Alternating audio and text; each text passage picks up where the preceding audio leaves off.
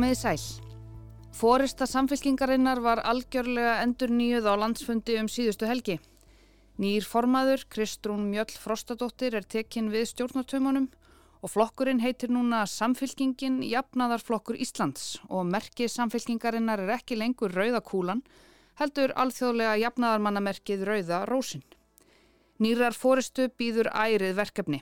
Nú er staðan svo að helmingur sex sitjandi þingmanna samfélkingarinnar hefur á einhverjum tímapunkti verið formaður flokksins. Fyrir ekkert svo mörgum árum síðan átti samfélkingin 20 þingsæti, tæpan þriðjung á þingi. Í þetta helst í dag ætla ég að skoða sögu þessa merkilega jafnaðarmannaflokk sem var stopnaður sem breyðfylking, mótvægi við íhaldið en tapaði svo eirum kjósenda. Ég heiti Sunna Valgeradóttir og samfélkingin verður á dagskrá hjá mér í dag, 5. daginn 3. november.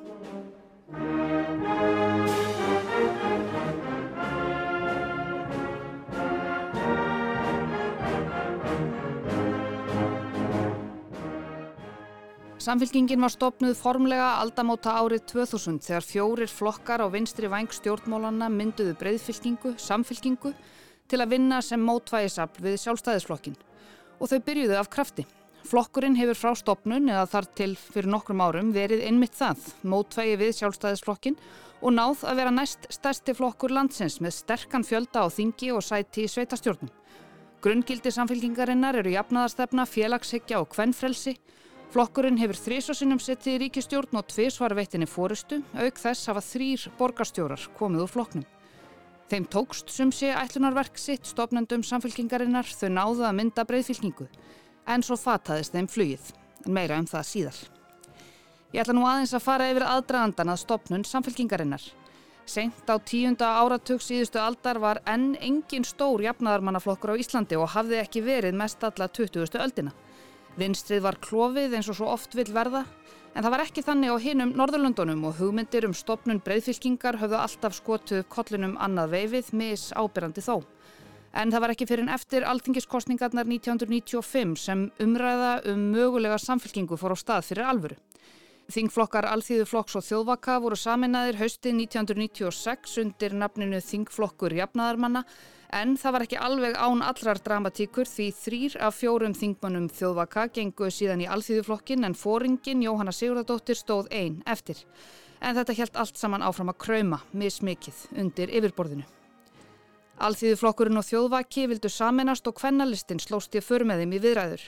Síðan kom alþýðubandalagi með. Það kom eðlilega upp ákveðin málefna ágreiningur í saminningavirðanum þá helst kannski varðandi aðild Íslands að Allandshafsbandalæginu, NATO og mögulegri aðild landsins að Evrópusambandinu. Alþýðuflokkurinn var til dæmis jákvæðri gagvart NATO og ESB en Alþýðubandalægið og það var til þess að þrýr þingmenn Alþýðubandalagsins söguðu sig úr flokknum og stopnuðu eigin vinstriflokk, vinstri hreyfinguna grænt frambóð, sem skildi leggja meiri áherslu á hefðbundnari vinstri gildi auk umhverfismála. Þannig að plön um stóran, saminnaðan og öflugan flokka á vinstri vagnum og viðræður þarum urðu til þess að fólk varð svo ósamála að til varð enn annars plunkunýr vinstri flokkur, Vafge, undir fórustu Stengrimsjóð Sigfússonar. Sáflokkur átt að vera enn lengra til vinstri en samfélkingin og urðu töluvert íhaldsamari líka að vissu leiti. Svo fór nálgast kostningar og í februar 1999 fækkaði þingflokkum á alþingi um tvo þegar nýr 17 manna þingflokkur samfélkingarinnar var stopnaður. Um leið voru þingflokkar jafnaðarmanna, alþýðu bandalags og kvennalista lagðir niður. Svo hljómaði sjónvarsfrétt rúf í februar 1999 um þessar tilfæringar á þingi. Eftir þessar sögulegu stundir stormaði samfélkingar fólk yfir í Þórshamar og Hjeltsin fyrsta þingflokksfund og kaus sér stjórn. Mér finnst þetta hátíðstagur og mér finnst þetta stærsta verkið okkar á ferli samfélkingarinnar að stopna þennan þingflokk.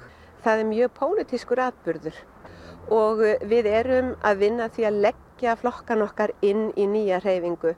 Þetta er sammeilegt frambóð, nú er orðin sameilegur uh, þingflokkur, þingflokkur samfélkingarinnar. Uh, það verður væntanlega verkefni næsta kjörtímabils að stopna flokkinn formlega með öllu þessu góða fólki innan bors. Þarna heyrðu við í Rannvegu Guðmundsdóttur, nýkjörnum formanni hins nýja þingflokks samfélkingarinnar sem fekk lista bókstafina SF til bráðabyrða. Það var hugur í fólki þarna í byrjun árs 1999. Alþýðu bandalagið hjælt sinn landsfund þetta sama ár og gerði sjónvarpið þeim fundi skil. Það fór eins og við var búist í lók 14. landsfundar Alþýðu bandalagsins í dag. Tillaga um aðvildað samfylkingunni var samþygti mjög afgerandi með lofaklappi. Í tillegunni segir að fundurinn samþykja að stofnaður verði því fyrsta nýr stjórnmálaflokkur með aðvild afflokkana og samtaka um kvennalista og annara þeirra sem telja sig til vinstri í íslenskum stjórnmálum. Þá veitir landsfundurinn formanni og framkvæmda stjórn fulltum bóð til að undirbúa stofnun hins nýja flokks með fullri aðild alþjóðubandalagsins. Formaður flokksins segir þetta stóra stundi í sínu lífi ekki síður en flokksins. Það hlýtur að vera mjög stórstund í sögu alþjóðbandalagsins þegar það veitir formannu sínum fullt umboð til þess að flytja alþjóðbandalagið inn í annan stjórnmálaflokk og í upphafi næsta, uh, næsta árs vonandi og einhvað síður þá á þetta langan aðdraðanda því að, að alþjóðbandalagið hefur frá stopnun sinni verið sífælt að álíkta um samfélkingu vinstri manna og núna loksins erum við að taka þessa svona afgerandi ákvörðin. Tillaga þessa efnis er nú samþygt endanlega eftir fjögur ára meðgöngu, oft og tíðum mjög erfiða.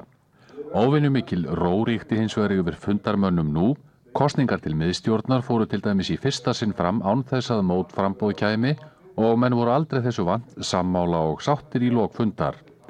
Í stjórnmála álegtun landsfundarins er nýtt á afstöðunni til brottkvarfs hersins og aðildar Íslands að NATO og sagt að í staðin eigi að marka landinu sjálfstæða öryggistefnu.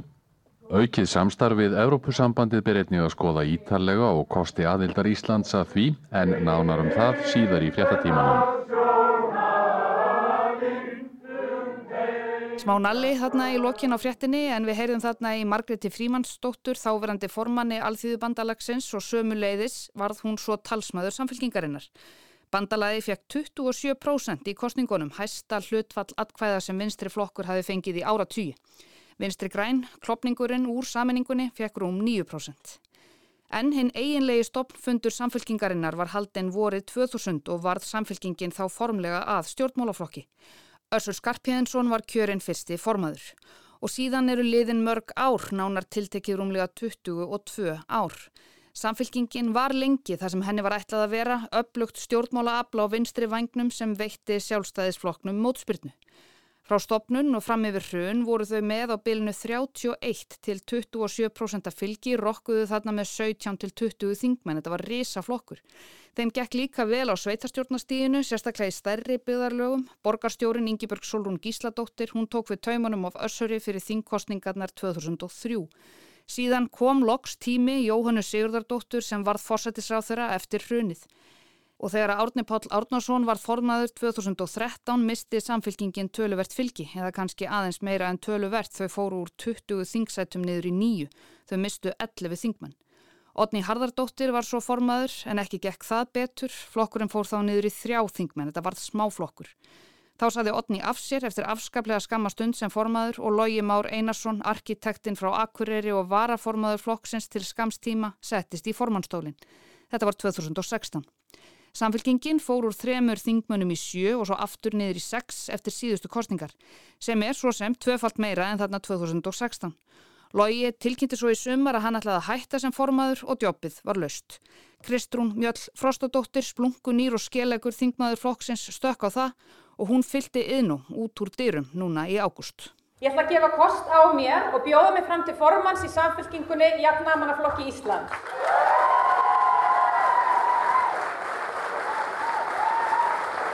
Að þú ætlar að, að þér finnst að jafnamenn eigi að fara aftur af kjarnanum, þessum kjarnarhluta. Hver er sá hluta? Við eigum auðvitað bara að fara aftur í styrkleik okkar sem eru sem grunn gildi jafnamennsku, bara kjör og sko velins fólks í landinu. Og ég er alveg handvissum það að ef að stefna okkar og áherslu tekur bara miðað í hvað fólk er að hugsa um í sinni daglega lífi, við séum með skýrar áherslu og færri mál en að valefli, það mun að skila árangri. Kristrún á Amali 12. mæ og er fætt í Reykjavík 1988. Hún er sum sé 34 ára gömul. Hún er mentaður hagfræðingur og starfaði lengi innan fjármálageirans áður hún tók skrefiðin í stjórnmálinn fyrir rúmu ári síðan. Hún byrjaði námsferilsinn í Háskóla Ísland sem fór þaðan til bandaríkjana í Yale í alþjóðafræði með áherslu á hagstjórn og alþjóðafjármól og bætti svo við sig meistaragráði í hagfræði frá Boston Háskóla. Kristrún var hagfræðingur viðskiptaráðs Íslands og aðal hagfræðingur Kvikubanka. Hún hefur líka verið bladamadur og unnið í greiningadeildum banka, íslenskra og bandarískra. Síðasta gigið hennar var þarna aðal hagfræðingur Kvikubanka en hún sæði því starfi lausu þegar hún samþykti að leiða lista samfélkingarinnar fyrir síðustu alþingiskostningar 2021 og Kristrúnu var strax tranað fram í kostningabarátunni við hlið formansins. Það er ótrúlegt hvað tíminn líður. Fjögur ár frá síðustu kostningum. Það er svo margt sem hefði mátt gera svo miklu betur. Stiðja betur barnafjölskyldur, eldrafólk, öryrkja, ráðaslegg sérhagsmún, taka fóristu í lofslagsmálum. En til þess þarf aðra ríkistjórn sem gengur reynd til verks. Nú er komið að þér kjóstu samfélkinguna. Það kom sumum á óvart að samfélkingin hafi orðið fyrir valinu hjá Kristrúnu. Hún hafi freka verið orðið við hægri væng stjórnmálana, þá kannski helst viðreist. Án þess að það hafi verið einhver sérstök ástæða fyrir því önnur en svo að hún hafi starfað í peningabransanum, sem er sjaldan tengdur við vinstrið, mögulega að ósekju. Hún er hagfræðingur úr fjármála heiminum. Covermyndin hennar á Facebook er skjáskot af færslu Joe Biden bandaríkjapóseta, þar sem stendur Brauðmóla hagfræði hefur aldrei virkað. Það er komin tími til að byggja hagkerfið upp frá grunni og þaðan út frá miðju. Eða Trickle down economics has never worked. It's time to grow the economy from the bottom up and the middle out. Í Silvrinu um helgina var Kristrún spurð út í þetta valsitt á flokki þar að segja af hverju hún valdi samfélkinguna í ljósi þess að fleiri flokkar komu að máli við hana fyrir síðustu kostningar. Það er bara frekar einfalt. Ég er jafnamanskja og ég hef alltaf verið jafnamanskja. Um, þetta eru bara gildi sem að hafa mótað mig í langa, langan tíma. Ég er ekki alveg upp á beint pólitísku heimili en þetta er eitthvað sem ég hef alltaf tengt við um, og ég held að það skipti ymitt miklu máli að það komi einstaklinga fram á sjónasmiði sem að síni hvað jafnaða manna taugin hún finnst við það, hún finnst ekki bara hjá hennu ofinbera, hjá fólki ákveðnum störfum, þetta snýst um sko fólk sem vil bara búa í réttlund samfélagi. Og ég er mjög uh, ég er mjög hugsið við þeirri þróun sem er átt sér stað undarförnum árum sem ég upplifið sem mikla einstaklingsheggju að fólk sem að nær langt í lífinu hvað var það efnislega og félagslega velgengni það séu sendt út til skilabötu fólks að það ber ekki ábyrga hvert samfélaginu. Þessi hver og eitt svolítið í sínu hotni við sjáum tvöföld kerfi myndast í heilbriðstjónustu, öðrum kerfum og fólk á bara að borga sig út úr því þráttur að ég hef notið ákveðna velgengni ákveðna sviðum, þá finnst mér ég bera ábyrð og ég veit að það er fólk þarna út í samfélaginu sem hefur verið í söpum stöðum út um allt sem vil gefa tilbaka. Þannig að ég held að þetta sé líka bara mikilvægt fyrir flokkin að sína þessa breyðu sín mm. og fólk átti sig á því sem ég held að flestir viti hérna á Íslandi að fólk er bara flókið. Það er einfallega þannig. Kristrún kom eins og stormsveipur inn í pólitíkina og sem annar oddviti samfélkingarinnar í Reykjavík fyrir kostningarnar í september í fyrra. En samfélkingin reið þó ekki feitum hesti í þeim kostningum. Það var stilt upp á lista í öllum kjördæmum nema norðvestur þar sem korsi var um efstu fjögur sæti listans á kjördæmistingi.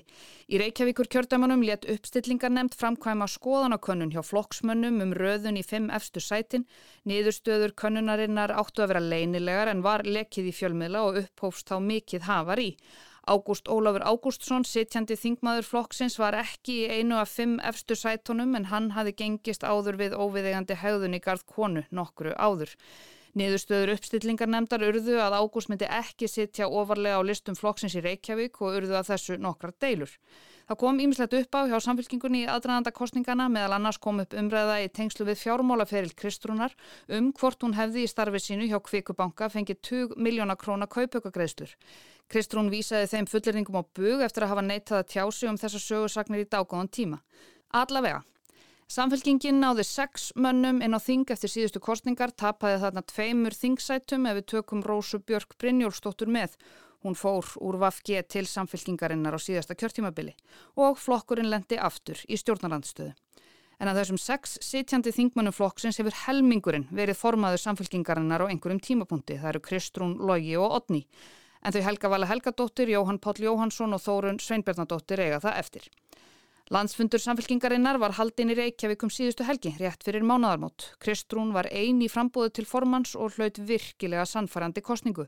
95% greitra atkvæða. Það brutust út mikil fagnæðalæti þegar niðurstaðan var kynnt og því ljóst að Kristrún verður sjöndi formaður samfélkingarinnar frá því flokkurum var stopnaður fyrir 20 árum. En það var Lógi Einarsson fráfarandi formaður sem að setti landsfundin hér fyrir í dag og hann nýtti tækifæri til að líta yfir farin veg.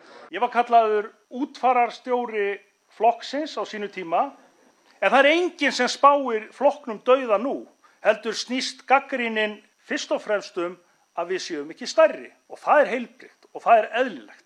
Ég er mjög þakklátt bara flokknum yfir höfu fyrir að stutt svona vel við mig en mér finnst þetta líka mikilvægt að fá stert umboð vegna þess að við ætlum að ráðast í ákveðna breytingar og ég hef verið býst að skýra því hvað svona ég vil sjá flokkin gera núna næstu missurum svo við séum í góðri stöðu til að stjórna landinu þegar því kemur þannig að þetta skiptir mig líka bara gríðarlega miklu máli.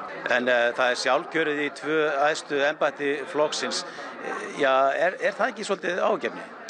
Já, það fyrir eftir hvernig á það er litið. Uh, ég held að það sé líka til marksum að það sé bara sátt og samstafa um kannski það fórstu sem er að byrtast og teiknast upp.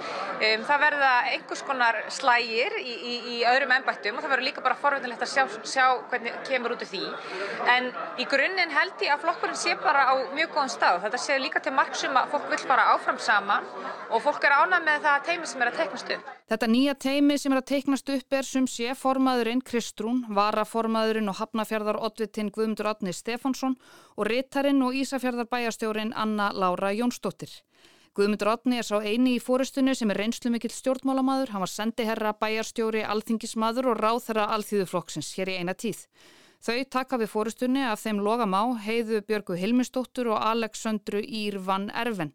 Nafni flokksins var líka breytt lítilega á landsfundunum og heitir hann nú Samfylkingin Jafnaðarflokkur Íslands en ekki Samfylkingin Jafnaðar Mannaflokkur Íslands. Og þá samþykti landsfundur að merki flokksins Rauða kúlan Víki fyrir Rauðri Rós sem er alþjóðlegt merki Jafnaðarfólks, gamla merki alþjóðuflokksins. Og nú er bara að býða róleg og sjá hvað þessar breytingar gerir fyrir flokkin í næstu kostningum sem verða samkvæmt plani árið 2025. Þá líkur að minnstakosti yfirstandandi kjörtímabili ef allt gengur að óskum hjá ríkistjórninni. Það eru svo sem ekkert rosalega gömul fordami fyrir því að kjörtímabilin séu eitthvað stittri en það kemur allt saman í ljós. Ég heiti Sunna Valgerðardóttir og breytingar á samfélkingunni voru helst hjá mér í dag. Það hægt að nálgast þennan þátt og alla aðra þætti af þetta helst í spilararúf og öllum hlaðvarpsveitum. Takk fyrir að leggja við hlustir og við heyrumst aftur á morgun.